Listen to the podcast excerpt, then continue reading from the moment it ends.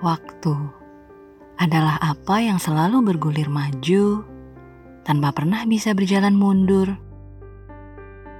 Tapi kita sering menyia-nyiakan adanya. Dan baru sadar kalau sudah kehilangan setelah ia pergi, tanpa bisa kita panggil kembali.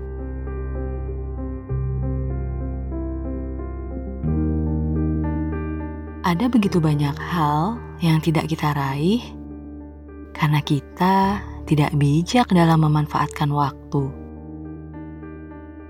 Kita kehilangan detik demi detik untuk menikmati setiap momen di saat ini karena kita lebih sering menghabiskan waktu untuk melompat jauh ke masa depan dan terlalu sering berputar arah ke masa lalu.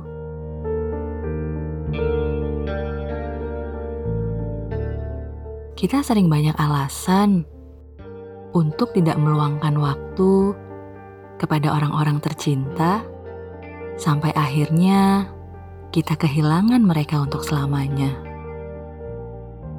Gunakanlah waktu selagi ia masih setia menemani kisah perjalanan kita dan juga mereka yang kita cinta.